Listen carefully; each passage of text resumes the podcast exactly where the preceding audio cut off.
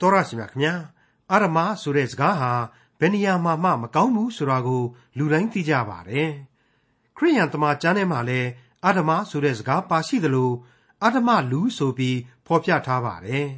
ဘယ်လိုလူစားမျိုးတွေဟာအာရမလူတွေဖြစ်ကြပါသလဲဘယ်လိုလူစားမျိုးတွေဟာအာရမလူတွေရဲ့စည်ရင်းထဲမှာပါဝင်ကြပါသလဲ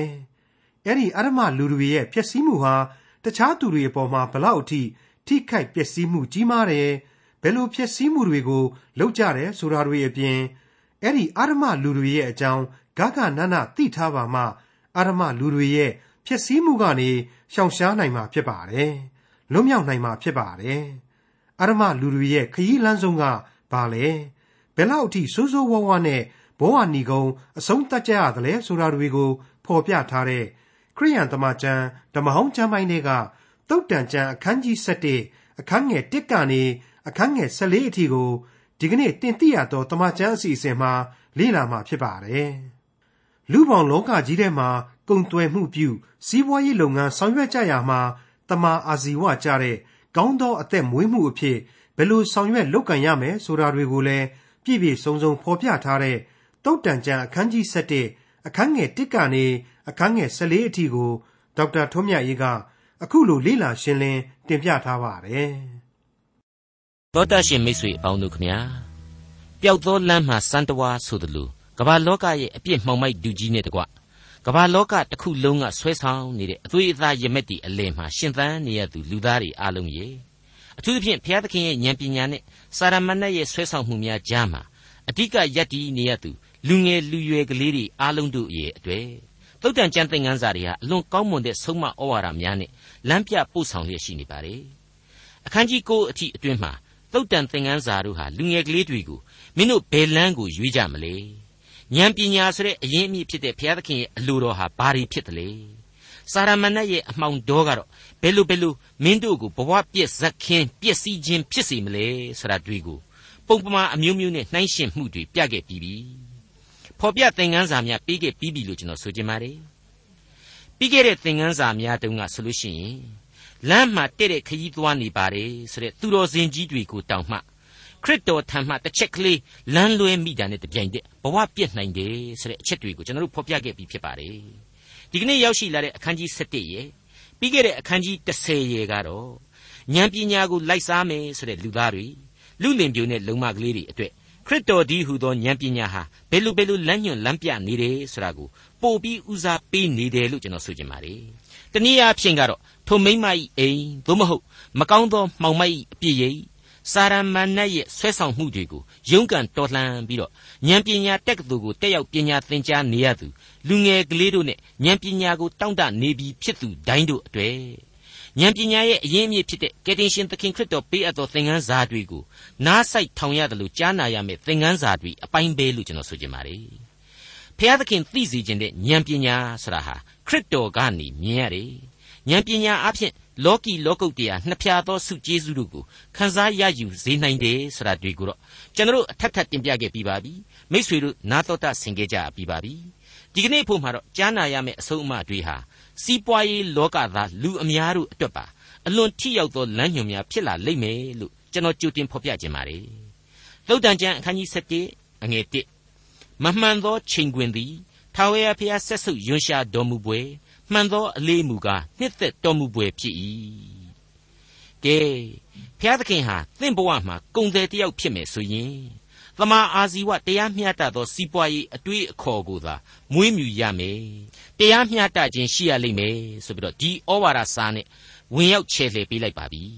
အကယ်၍သာသင်ဟာကောင်းမွန်၍တရားမျှတသောလူတစ်ယောက်ဖြစ်မယ်ဆိုရင်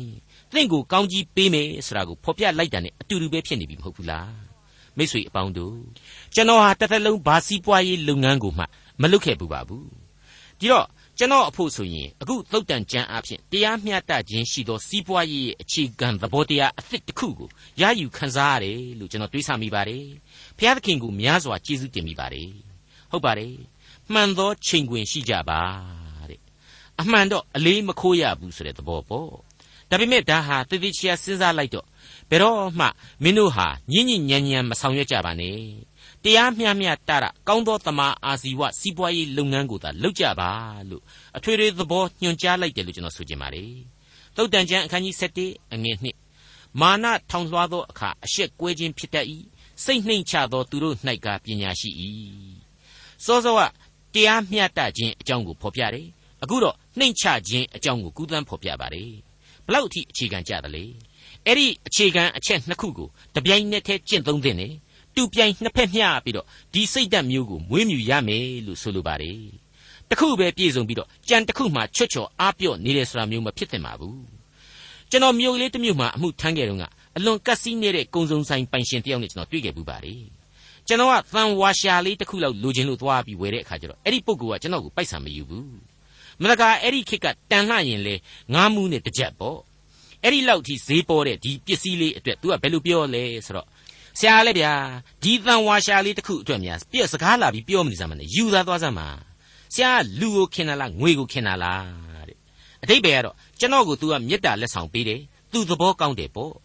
အဲ့ဒါနဲ့ပဲနောက်တစ်ခါကော်ဘတ်ဆက်ကူလေးတစ်ချက်ကျွန်တော်သွားဝယ်တော့ အမှန်မှာအဲ့ဒီခေတ်ကငားချက်တဲ့ပုံမတန်တဲ့ဒီကော်ဘတ်ဆက်ကူကိုထုတ်ပေးပြီးတော့ဈေးမိတဲ့အခါကျတော့ဆရာရဲ့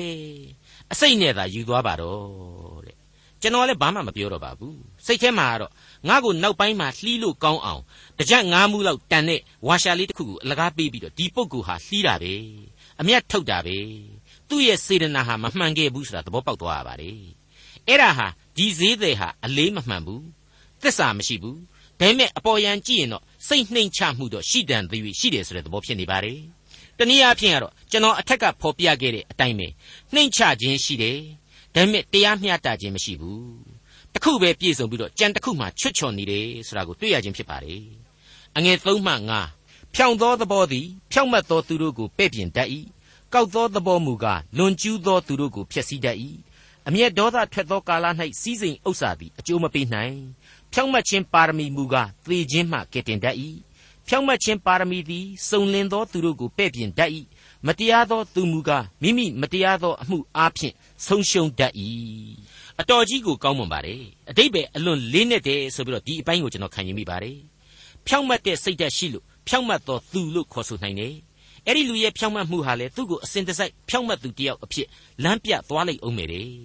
ပဲ့ပြင်သွားလိုက်အောင်မယ်တဲ့အဲ့ဒီအတိတ်ပဲကိုဆောင်းနေပါတယ် ဒီလိုပါပဲကောက်ကျစ်တဲ့စိတ်ဓာတ်ရှိလို့လူလိန်လူညစ်ဖြစ်နေတယ်မတရားသောလူတစ်ယောက်ဖြစ်လာရတယ်သူ့ရဲ့အဲ့ဒီကောက်ကျစ်တဲ့စိတ်ဓာတ်ဟာသူ့ကိုဆက်လက်ပြီးတော့ဖျက်ဆီးသွားလိမ့်မယ်ဆိုတာကိုဖော်ပြပါတယ်တနည်းအားဖြင့်ကတော့အစမကောင်းရင်အနှောင်းမသေးကြဘူးအစကောင်းမှသာအနှောင်းသေးကြတယ်ဆိုတဲ့သဘောတရားဖြစ်ပါတယ်လူငယ်ကလေးတွေအတွက်အထူးကောင်းမွန်တဲ့ဩဝါဒမှုအလွန်သင့်လျော်တဲ့အချက်တစ်ချက်လို့ကျွန်တော်ခံယူပါတယ်အမျက်ဒေါသထွက်သောကာလ၌စီးစိမ်ဥစ္စာသည်အကျိုးမပေးနိုင် ဖြောင့်မတ်ခြင်းပါရမီမူကားသေခြင်းမှကယ်တင်တတ်၏ဆိုတာဟာတတိဖြစ်နေတဲ့လူတစ်ယောက်ကအမျက်ထွက်တဲ့အတွက်ကြောင့်ကြီးပဲသူဟာစီးပွားပြက်တာကိုကြီးပဲဆိုလိုတာမဟုတ်ပါဘူးသူ့ရဲ့စီးစိမ်ချမ်းသာတွေဟာသူ့ရဲ့ဒေါသအမျက်ကြောင့်အကျိုးမပေးတာကိုကြီးပဲမဆိုလိုပါဘူးအင်္ဂလိပ်ကျမ်းအရာ in the day of wrath ဆိုပြီးတော့ခေါ်ထားပါတယ်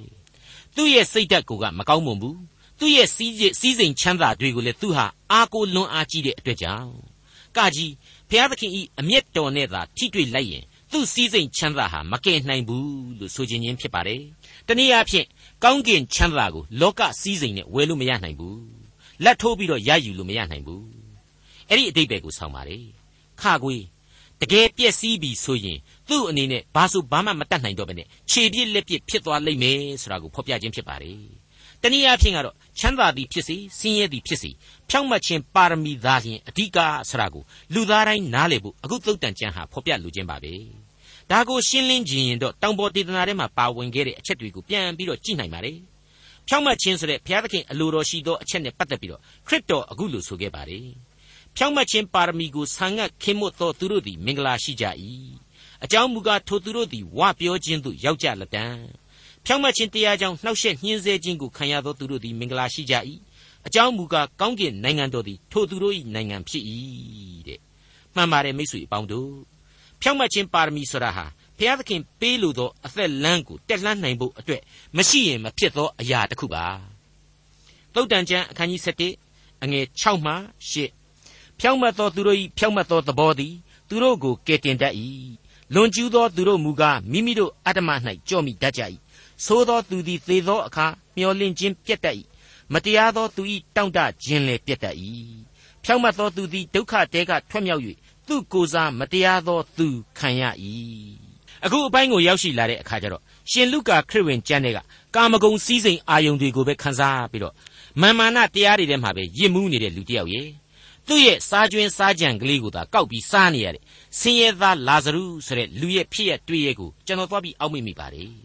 ဒီပုံပြင်ဟာချမ်းသာတဲ့လူကိုကွက်ပြီးချိုးနှိမ်တာမဟုတ်သလိုဆင်းရဲသားကိုကွက်ပြီးမြှောက်ပေးတာလည်းမဟုတ်ပါဘူးလူသားတို့ရဲ့ရုပ်ပိုင်းဆိုင်ရာချမ်းသာကြွယ်ဝခြင်းတွေဆင်းရဲမွဲတေခြင်းတွေအလုံးတဲ့ဖြောင့်မတ်ခြင်းတရားကိုသာဘုရားသခင်အလိုတော်ရှိတယ်ဆိုတာကိုဖော်ပြပေးလိုက်တော့ပုံပြင်လို့ကျွန်တော်ခံယူပါတယ်ဒီပုံပြင်ကလေးကိုကျွန်တော်အမှတ်တရပြန်ပြီးတော့ဖတ်ပြရမယ်ဆိုရင်ရှင်လုကာခရစ်ဝင်ကျမ်းအခန်းကြီး16အငယ်16မှ31 တဖန်တုံတထေးတယောက်သည်ညီမောင်းသောကပလာနှင့်ပိတ်ချောကိုဝတ်ဆင်၍ကာမဂုံစည်းစိမ်၌နေတိုင်းပျော်မွေ့လျက်နေ၏လာဇရုအမည်ရှိသောသူဆင်းရဲတယောက်သည်တကိုယ်လုံး၌အနှစိမ့်ပေါက်၍တထေးဤစပွဲမှကြသောစားနှုတ်စားပေါက်ကိုစားပါရစေဟုတောင့်တသောစိတ်နှင့်တထေးအိမ်တကားနာမှတုံလုံးနေ၏ခွေးတို့သည်လာ၍အနှစိမ့်များကိုရက်ကြ၏တနေ့သ၌ထိုဆင်းရဲသားသည်သေလွန်၍ကောင်းကင်တမန်တို့သည်အာဗြဟံ၏ရင်ခွင်သို့ပို့ဆောင်ကြ၏ တထေးသည်လည်းသေလွန်၍သင်္ကြိုခြင်းကိုခံရလေ၏မရဏနိုင်ငံ၌ပြင်းပြစွာသောဝေဒနာကိုခံရလျက်မျှော်ကြည့်၍အာဗြဟံကို၎င်းအာဗြဟံ၏ရင်ခွင်၌လာဇရုကို၎င်းအဝေးကမြင်လျင်အိုးအဖအာဗြဟံအကျွန်ုပ်ကိုကယ်မသနာတော်မူပါအကျွန်ုပ်သည်ဤမီလျံ၌ပြင်းစွာခံရသောကြောင့်လာဇရုသည်မိမိလက်ဖျားကိုရေ၌နှစ်၍အကျွန်ုပ်ရှာကိုအေးစေခြင်းဟာသူ့ကိုအကျွန်ုပ်ရှိရာသို့ဆေလွတ်တော်မူပါဟုဟစ်ကြော်လေ၏ အာဗြဟံကလည်းငါသားသင်သည်အသက်ရှင်စဉ်အခါချမ်းသာရသည်ကို၎င်းလာဇရုသည်ဆင်းရဲစွာနေရသည်ကို၎င်းအောက်မေ့လော့ယခုမူကားသူသည်သက်သာခြင်းရှိ၏သင်သည်ဒုက္ခဝေဒနာကိုခံရ၏ထိုမှတပါငါတို့နှင့်သင်တို့စัจ जा ၌အလွန်နက်လာသောကြောက်ကြီးတည်လျက်ရှိ၏ထို့ကြောင့်ဤအရမှသင်တို့ရှိရာသို့ကူးကျင်သောသူမကူးနိုင်ထို့အတူငါတို့ရှိရာသို့ကူးကျင်သောသူလည်းမကူးနိုင်ဟုဆို၏ တထေးကလည်းအိုအဖာထိုတို့မှန်လျင်အကျွန်ုပ်၌ညီငါးယောက်ရှိပါသည်ဖြစ်၍သူတို့သည်ဤပြင်းပြစွာခံရအရတ်သို့မရောက်မီအကြောင်း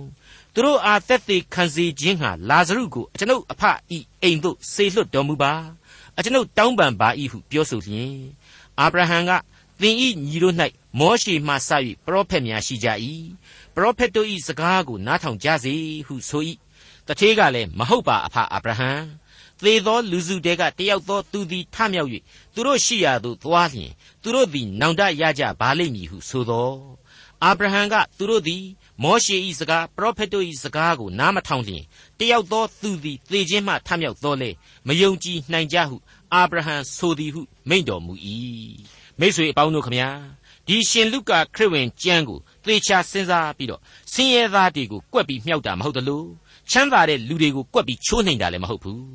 ဘုရားသခင်ရဲ့ကျေးဇူးတော်ဆိုတာဟာဖြောင့်မတ်ခြင်းပါရမီရှိသူတို့အတွက်အစဉ်အမြဲပြည့်မီစွာရှိနေတယ်ဆိုတဲ့အချက်ကိုသာဖော်ကျူးခြင်းဖြစ်တယ်လို့ကျွန်တော်တင်ပြခြင်းပါတယ်မိတ်ဆွေအပေါင်းတို့ခမညာနောက်ထပ်သုတ်တန်ကျမ်းကဆက်လိုက်တာကတော့တကယ်တမ်းဒုက္ခရောက်เสียရှိလာပြီဆိုရင်ဖြောင့်မတ်သောသူတို့ရဲ့ကိုစားမတရားသောသူကသာခံစားရလိမ့်မယ်ဆိုတဲ့အချက်ဟာလေတခြားတော့မဟုတ်ပါဘူးဧဒရာဝတ္ထုတွေကဟာမန်ဆိုတဲ့အမတ်ရဲ့အကြောင်းကိုမိတ်ဆွေတို့ကြားနာခဲ့ကြပြီးပါပြီ အာမလက်အမျိုးအနွယ်ဝင်ဖြစ်တဲ့အဲ့ဒီဟာမန်ဆိုတဲ့အမတ်ဟာစိတ်သဘောထားမမှန်ကန်ဘူးအကျင့်စရိတ်တမကောင်းဘူး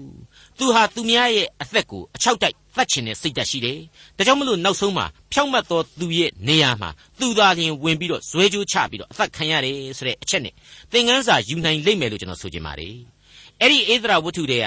ဘယင်မဧဒရာရဲ့မွေးစားဖခင်မော်တကဲဆိုတဲ့လူကိုအဲ့ဒီဟာမန်ဟာအသေးသတ်ဖို့ကြံခဲ့တယ်။ ဣသရေလတွေကိုလည်းမျိုးဖြုတ်ပစ်ဖို့ကြံစီခဲ့တယ်။နောက်ဆုံးကျတော့မော်ဒကဲဘာမှမဖြစ်ဘူး။မော်ဒကဲအတွက်ကိုဆောက်ထားတဲ့ကျိုးစင်မှာကိုကသာအသက်ခံလိုက်ရခြင်းဖြစ်တယ်ဆိုတာကိုဣသရာဝတ္ထုတဲမှာကျွန်တော်အထင်အရှားတွေ့ခဲ့ရပြီးပါပြီ။ဒါဟာကျွန်တော်အစဉ်တစိုက်သင်ခန်းစာယူရမယ့်အချက်ပါပဲ။သုတ်တန်ကျမ်းအခန်းကြီး7အငယ်9အတ္တမလူသည်မိမိနှုတ်ဖြင့်အိမ်နီးချင်းကိုဖျက်တတ်၏။တရားသောသူမူကားပညာအတတ်အားဖြင့်အမှုလွတ်တတ်၏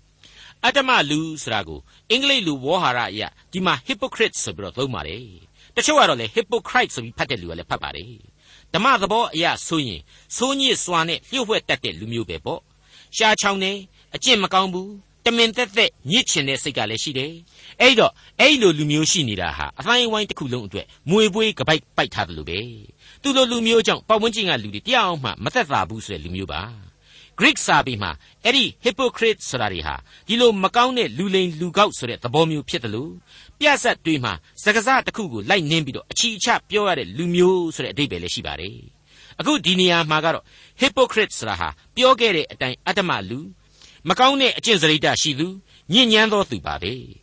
အဲ့ဒီလိုလူမျိုးကြောင့်လူကောင်းသူကောင်းတွေဒုက္ခရောက်နိုင်တယ်ဒါပေမဲ့ပညာရှိတယောက်အဖို့ကတော့အဲ့ဒီလိုလူတွေကြောင့်ဘာဆိုဘာမှစိုးရင်စရာမရှိဘူး အမှုကနေလွတ်နိုင်တယ်ဆိုတာကိုဖော်ကျူးလိုက်ပါတယ်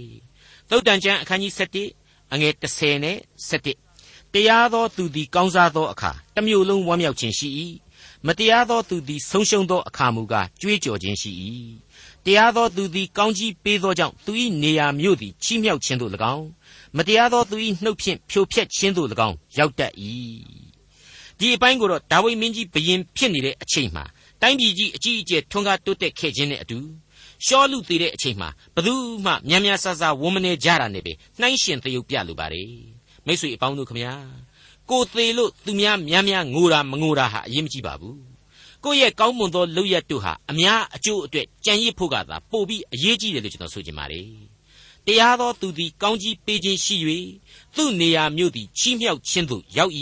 ဆရာဟာတရားသောသူတွေအပေါ်မှာဘုရားသခင်ကောင်းကြီးပေးလို့ ထွန်းကားတိုးတက်ခြင်းအဖြစ်လည်းမြင်နိုင်ပါတယ်ဒီအကြောင်းတွေဟာဣသရေလနိုင်ငံကိုကျွန်ဘဝကပြန်လည်ရောက်ရှိလာပြီးတော့တိဆောက်ပေးခဲ့တဲ့အိဇရာနေဟမိစတဲ့ပုဂ္ဂိုလ်ကြီးတွေခင်မှာဘုရားသခင်ကောင်းကြီးပေးခဲ့ခြင်းကိုပြန်ပြီးတော့အမှတ်ရစေလိမ့်မယ်လို့ကျွန်တော်ဆိုချင်ပါတယ်အဲ့ဒီအတိုင်းပါပဲအဲ့ဒီနေဟမိမှတ်စာထဲမှာပဲပြန်ကြည့်မယ်ဆိုရင်တန်ပါလတ်တို့တောဘီတို့ဆိုတဲ့လူညံ့လူပြင်းတွေကောက်ကျစ်တဲ့လူတွေကြောင့်တိဆောက်ရေးလုပ်ငန်းတွေအနှောက်အယှက်ဖြစ်ခဲ့ရတယ်ဆိုတာကိုလေမိษွေတို့ပြန်ပြီးသတိရမိကြမှာပါ ဒါတွေဟာသုတ်တန်ကျမ်းသင်ခန်းစာတွေကနေတဆင့်ကျွန်တော်တို့ကိုပြန်ပြီးအမှတ်ရစေတဲ့သင်ခန်းစာတွေဖြစ်တယ်။ကွက်တိကြအောင်ပြန်လဲပြီးတော့သတိရအောင်မေ့ဖို့စင်ကျင်နှလုံးသွင်းဖို့ပဲဖြစ်တယ်လို့ကျွန်တော်ဆိုချင်ပါတယ်။တရားသောသူသည်ကောင်းစားသောအခါတစ်မျိုးလုံးဝမ်းမြောက်ခြင်းရှိ၏။မတရားသောသူသည်ဆုံးရှုံးသောအခါမူကားကြွေးကြော်ခြင်းရှိ၏။တရားသောသူသည်ကောင်းကြီးပေးသောအဖြစ်သူ၏နေရာမြို့သည်ချီးမြှောက်ခြင်းသို့၎င်းမတရားသောသူ၏နှုတ်ဖြင့်ဖြိုဖျက်ခြင်းသို့၎င်းရောက်တတ်၏ မိษွေတော်တတ်ရှင်အပေါင်းတို့ခမညာ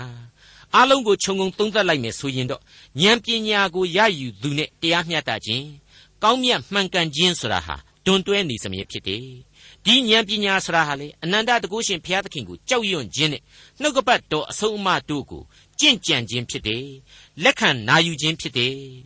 အထူးသဖြင့်ကယ်တင်ရှင်သခင်ခရစ်တော်ကိုယုံကြည်သူလူသားတိုင်းမှာစစ်မှန်သောဉာဏ်ပညာကိုဘုရားသခင်ချထားပေးလိမ့်မှဧကံမလွယ်ဖြစ်တယ်ဆိုတာကိုဖော်ပြလိုက်တယ်လို့ကျွန်တော်တင်ပြလိုက်ပါရစေ။သုတ်တန်ကျမ်းအခန်းကြီး7အငယ်7မှ14ပညာမဲ့သောသူသည်မိမိအိမ်နီးချင်းကိုမထီမဲ့မြင်ပြုတတ်၏။ဉာဏ်ကောင်းသောသူမူကားတိတ်ဆိတ်စွာနေတတ်၏။လေ၍စကားများစွာပြောတတ်သောသူသည်လျှို့ဝှက်အပ်သောအရာကိုဖော်ပြတတ်၏။သစ္စာဆောင်သောသူမူကားပွက်ထားတတ်၏။ အကြံပေးနိုင်သောဉာဏ်မရှိလျင်ပြည်သားတို့သည်ရှုံးတတ်၏အကြံပေးနိုင်သောသူအများရှိလျင်မူကားဘေးလွတ်တတ်၏ပညာမဲ့သောသူတယောက်လို့ကျွန်တော်တို့သတ်မှတ်နိုင်တဲ့ရှိမိဆိုတဲ့လူတယောက်အကြောင်းကိုမိษွေတို့ဓမ္မရာဇဝင်တွေထဲမှာပြန်ပြီးတွေ့နိုင်ပါလိမ့်မယ်အဲ့ဒီလူကခတ်ကြောင်တောင်တောင်နဲ့တူပါရဲ့ဒါဝိမင်းကြီးကသူ့ရဲ့သားတော်အဘရှလုံကတော်လှန်ပုန်ကန်တဲ့အချိန်မှာထွက်ပြေးနေရတဲ့အချိန်မှာဒါဝိမင်းကြီးနဘေးကနေကတ်လိုက်ပြီးတော့ဒါဝိမင်းကြီးကိုမထီမဲ့မြင်ပြုခဲ့တာ ခဲနဲ့ပေါက်ပြီးတော့တလန်းလုံးအဝေးကြီးရောက်တဲ့အထိလိုက်ပြီးကျိန်ဆဲခဲ့တယ်ဆိုတာဒီကိုကျွန်တော်တို့ဒီရှိမိနဲ့ပတ်သက်ပြီးတော့ဓမ္မရာဇဝင်တွေထဲမှာတွေ့ကြရပါတယ်အဲ့ဒီအချိန်မှာဒါဝိမင်းကြီးခမညာဟာလေအခုလူဘိန်းစကားနဲ့ပြောရမယ်ဆိုရင်တော့ဖုံးနှိမ်နေတဲ့အချိန်ပေါ့ကိုဟာအတိတ်ကာလကအမှားတွေအတွက်နောင်တမျက်ရည်တွေဖြင်းဖြင်းကြနေရတဲ့အချိန်ငါ့ကိုဘုရားသခင်ဟာဒီအတိတ်ကာလအပြစ်တွေအတွက်ပြန်လဲပေးဆက်စေတာပဲဆိုပြီးတော့ရှိမိကိုအရေးမယူခဲ့ရှာပါဘူးဒါဝိမင်းရဲ့လက်ယုံတူဖြစ်ခဲ့တဲ့ အဘိရှဲကနေပြီးတော့ဒီရှိမိဆိုတဲ့စော်ကားတဲ့လူကြောင်ကိုလိုက်ပြီးတော့ခေါင်းဖြတ်တတ်ရမလားဒါဝိမင်းကြီးဆိုပြီးတော့မေးတဲ့အချိန်ဒါဝိမင်းကြီးကဘယ်လိုပြောခဲ့တယ်ဆိုတာကိုသတိရစရာကောင်းလှတယ်လို့ကျွန်တော်ဆိုချင်ပါတယ်အဲ့ဒါကိုတော့ဓမ္မရာဇဝင်ဒုတိယစာဆောင်အခန်းကြီး16အငယ်9ကနေ12အတွင်းမှာဘယ်လိုတွေ့ရတယ်ဆိုတာပြန်ကြည့်ကြပါဒါဝိမင်းကြီးသည်ဘာဟုရိမ်မြို့သို့ရောက်သောအခါရှောလူ၏အဆွေအမျိုးဂေရသာရှိမိအမည်ရှိသောသူသည်ကျိန်ဆဲလျက်ထွက်လာ၏ ဒါဝိမင်းကြီးနှင့်ကျွန်တော်မျိုးအပေါင်းတို့ကိုကြောက်ခဲနှင့်ပြစ်လေ၏လူများအပေါင်းနှင့်မှုတော်မတ်တော်အပေါင်းတို့သည်လက်ရတော်ဘက်လက်ဝဲတော်ဘက်၌ရှိကြ၏ရှိမိကျိန်ဆဲသောစကားဟုမူကားသွားဟဲ့သွားဟဲ့လူအသက်ကိုသတ်သောအတ္တမလူရှောလူ၏နိုင်ငံကိုလူယူ၍သူ၏အဆွေအမျိုးကိုသတ်သောအပြစ်အလုံးစုံကိုသင်ခေါင်းပေါ်မှထာဝရဘုရားတက်ရောက်စေ၍နိုင်ငံတော်ကိုသင်၏သားအဘရှလုံလက်၌အပ်တော်မူပြီးသင်သည်လူအသက်ကိုတတ်သောသူဖြစ်သောကြောင့်ကြည်ပါ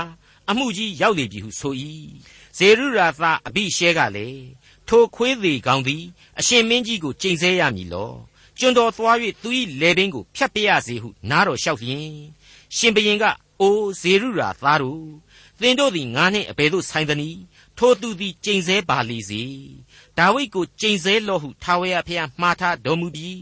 သို့ဖြစ်၍သင်သည်အဘယ်ကြောင့်ဤသို့ပြုသနည်းဟုအဘယ်သူဆိုရမည်နည်းဟု၍၎င်း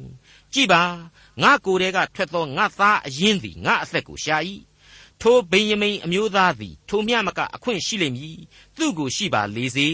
ကျိန်ဆဲပါလေစေထာဝရဘုရားမှားထားတော်မူပြီးထာဝရဘုရားသည်ငါ၏ဒုက္ခကိုကြည့်ရှု၍ယနေ့ထိုသူကျိန်ဆဲသည့်အတွက်ကောင်းသောအကျိုးကိုပြန်ပေးကောင်းပေးတော်မူလိမ့်မည်ဟု၍၎င်းအဘိရှဲနှင့်ကျွန်တော်မျိုးအပေါင်းတို့အားမိန့်တော်မူ၏ အဲ့ဒါဟာပညာမဲ့သောသူသည်မိမိအိမ်နီးချင်းကိုမထီမဲ့မြင်ပြုခြင်းဖြစ်တယ်လို့ဉာဏ်ကောင်းသောသူဆိုတာဟာလေတိတ်ဆိတ်စွာနေတတ်ခြင်းဥပမာပါပဲဒါဝိမင်းကြီးဟာကို့အပြစ်ကိုကိုဝန်ခံတယ်အလိုတော်နဲ့အညီအပြစ်ခံစားရခြင်းဆိုတာကိုလည်းနားလေတယ်အပြစ်ကိုအပြစ်အလျောက်ပြန်လဲပေးဆက်ရတဲ့သဘောပေါ့အလွန်ကောင်းသောဖြစ်ရမှန်သက်သေပဲလို့ကျွန်တော်ဆိုချင်ပါတယ်လဲ၍စကားများစွာပြောသောသူသည်လျှို့ဝှက်အပ်သောအရာကိုဖော်ပြတတ်၏တဲ့ ကျွန်တော်တစ်ချိန်ကပြောခဲ့ဘူးတဲ့ပြူးနေစဉ်လို့နာမည်ပေးယူရလောက်အောင်အတင်းအဖျင်းပြောတတ်သူဒေါ်ပြူးအကြောင်းကိုမိတ်ဆွေတို့မှတ်မိကြမယ်ထင်ပါတယ်တရွာလုံးကိုရှောက်ပြီးတော့ဟိုဘက်သတင်းပို့လိုက်ဒီဘက်ကသတင်းဟိုဘက်ပို့လိုက်ဟိုဘက်ကသတင်းဒီဘက်ယူလိုက်နဲ့မှွေလိုက်တာလေကြီးသောအမှုငယ်စေငယ်သောအမှုပပျောက်စေဆိုတာမျိုးမဟုတ်တော့ဘူး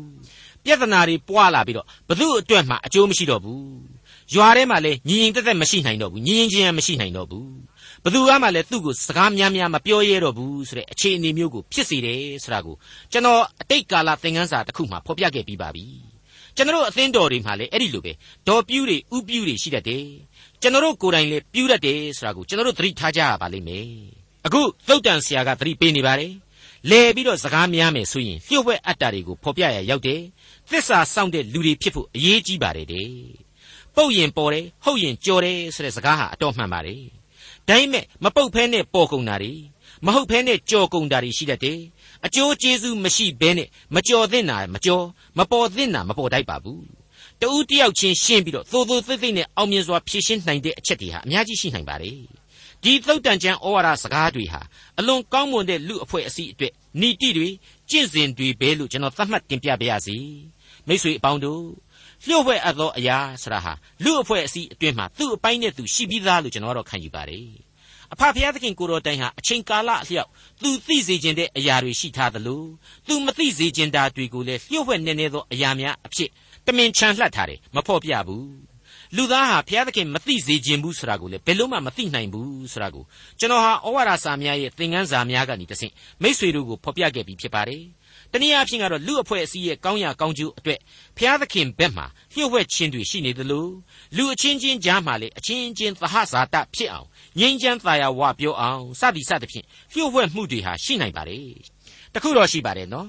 ကျွန်တော်လူသားကနေပြီးတော့ဘုရားသခင်ကိုဘာဆိုဘာမှလျှို့ဝှက်လို့မရနိုင်ဘူးဆိုတဲ့အချက်ပါဒါကိုကျွန်တော်တို့136ခုမြောက်သောဆာလံမှာလည်းတွေ့ကြရပြီးပါပြီမှောင်မိုက်သဘောနှင့်အလင်းသဘောသည်တူပါ၏ တနည်းအားဖြင့်ရှေ့တော်၌လျှို့ဝှက်လို့ဘာမှမရနိုင်ပါဘူးဆိုတဲ့အဓိပ္ပာယ်ပါမိတ်ဆွေအပေါင်းတို့ကျွန်တော်ယုံကြည်သူလူသားဟာအတော်ခက်ပါလေဘယ်လို့မှလျှို့ဝှက်လို့မရနိုင်တဲ့ကိုယ့်ရဲ့ဖျားသခင်ကိုသာမကိုးကွယ်ကြတယ်မကြောက်ကြတယ်ရင်ဖွင့်ပြီးတော့နောင်တနဲ့မတိုးဝင်မချင်းကပ်နိုင်ပဲရှောင်ဖယ်ဖယ်လုပ်ချင်ကြတယ်သူလိုကိုလိုလူအချင်းချင်းကိုကြတော့တဲပြီးတော့အားကိုးချင်ကြတယ်ရင်ဖွင့်ပြချင်ကြတယ်လို့ကျွန်တော်တွေးမိပါတယ်ဘယ်လိုပဲဖြစ်ဖြစ်ပါလေ လူရဲလူမှုကိစ္စအဝဝတွေတဲကိုဘုရားသခင်ဟာသုတ်တန်ကျမ်းကနေတဆင့်ဖော်ပြခဲ့တဲ့အချက်တွေဟာအလွန်တရာခင်မိပြီးတော့လှေနံနှစ်ဖက်နင်းခြင်းမရှိဘူးအတိတ်ပဲနှစ်ခွမရှိဘူးဆိုတာကိုကျွန်တော်တို့တွေ့မြင်ရတဲ့အတွက်ဒီကနေ့သင်ခန်းစာတွေဟာအလွန်ကျယ်ပြန့်တဲ့ဩဝါဒများကိုပေးစွန့်နေတယ်လို့ကျွန်တော်တို့မြင်နိုင်ပါတယ်တရားမျှတမှုစိတ်နှိမ်ချမှုဖြောင့်မတ်သောပါရမီကိုမွေးမြူရန်လိုအပ်မှုဆိုတဲ့အချက်ကြီးတွေကနေပြီးတော့စလာလိုက်တာဟာလူရေးလူမှုကိစ္စတွေတဲကနိုင်ငံရေးနယ်ပယ်တွေစီအထိရောက်လာတယ် အကုန်လုံးသောဩဝါဒစာတွေဟာလေသူ့နေရာနဲ့သူသိပ်ပန်နီးကြဖြစ်နေတယ်ဆိုတာဘယ်လို့မှမငြင်းနိုင်ပါဘူးသုတ်တန်ကျမ်းအခန်းကြီး7အငယ်ဆက်လေးအကြံပေးနိုင်သောဉာဏ်မရှိလျင်ပြည်သားတို့သည်ရှုံးတတ်၏အကြံပေးနိုင်သောသူအများရှိလျင်မူကားဘေးလွတ်တတ်၏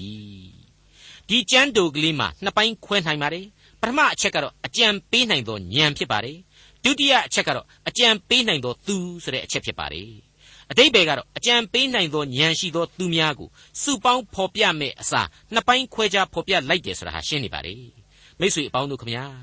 ဉာဏ်ဆိုတာဟာကျွန်တော်ဝန်းကျင်မှာဉာဏ်ကောင်းပါတယ်ဆိုတဲ့လူတိုင်းစီကမတူညီကြတဲ့ဉာဏ်ဒီအမျိုးမျိုးလားကွက်ကြော်တွေးတတ်တာတွေဆယ်ပြားကနေငွေတရားဖြစ်အောင်ကြွက်သေးတစ်ခုအရင်ပြုနိုင်တဲ့ဉာဏ်တွေတထွာပြရင်တထောင်မြင်နိုင်တဲ့ဉာဏ်တွေရိုက်စားလို့အခုခေတ်ပြောနေတဲ့ဉာဏ်မျိုးတွေ သူများမျက်ခုံးမွေးပေါ်ကိုဇင်းကြံရှောက်နိုင်တယ်ဆိုတဲ့ဉာဏ်မျိုးတွေကိုဆိုလိုပါသလားအဲ့ဒီဉာဏ်မျိုးတွေနဲ့လူတွေအများကြီးကသာဝိုင်းပြီးတော့အကြံဉာဏ်တွေပေးမယ်ဒီအကြံဉာဏ်တွေကိုသာအကုန်ရှောက်ပြီးတော့လိုက်နာရမယ်ဆိုရင်တော့ဉာဏ်တွေပြီးပြီးတော့ဒုက္ခတွေရောက်ကုန်ကြလိမ့်မယ်ဆရာများပြီးတော့သားစီကုန်လိမ့်မယ်လို့ကျွန်တော်ဆိုချင်ပါတယ်အခုသုတ်တန်ဆရာကဖော်ပြတဲ့ပညာဉာဏ်ဆိုတာဟာဘုရားသခင်ရဲ့အလိုတော်ကိုအခြေခံတရားမျှတမှုမေတ္တာသဘောဖြောင့်မတ်ခြင်းပါရမီတို့ပါဝင်သောဉာဏ်ဖြစ်ရလိမ့်မယ် သစ္စာစောင့်သိမှုရှိရလိမ့်မယ်တမာသမတ်ကြကြနှုတ်ကပတ်တော်အတိုင်းဖြစ်ရလိမ့်မယ်လို့ကျွန်တော်ယုံကြည်ပါတယ်ဟုတ်ပါတယ်ဓမ္မရာဇဝင်များကဖော်ပြခဲ့တဲ့ရွေးကောက်တော်မူသောလူမျိုးတော်အပအဝင်လူအဖွဲ့အစည်းပေါင်းများစွာရဲ့ပြည့်သုံးခြင်းကြီးပွားတိုးတက်ခြင်းရှုံးနိမ့်ခြင်းအောင်နိုင်ခြင်းစတဲ့ဖြစ်ချင်းပြက်ချင်းလမ်းစဉ်တို့မှာဘုရားသခင်ရဲ့အလိုတော်ကိုလိုက်နာခြင်းရှိမရှိသမာတရားလမ်းအတိုင်းလူသားတို့ကြင့်ကြံအားထုတ်ခြင်းရှိမရှိဆိုတဲ့အပေါ်မှာအဓိကမူတည်ခဲ့တဲ့အကြောင်းကို သင်သိရသောသမာကျမ်းစာအရာကျွန်တော်အလေးအနက်တွေ့ကြရပြီဖြစ်ပါတယ်ခင်ဗျာဒေါက်တာထွန်းမြတ်ရေးစီစဉ်တင်ဆက်တဲ့သင်သိရသောသမာကျမ်းအစီအစဉ်ဖြစ်ပါတယ်နောက်တစ်ချိန်အစီအစဉ်မှာခရိယန်သမာကျမ်းဓမ္မဟောင်းကျမ်းပိုင်းတွေကတုတ်တန်ကျမ်းအခန်းကြီး7အခန်းငယ်15ကနေအခန်းငယ်31အထိကိုလေ့လာမှဖြစ်တဲ့အတွက်စောင့်မျှော်နားဆင်နိုင်ပါတယ်။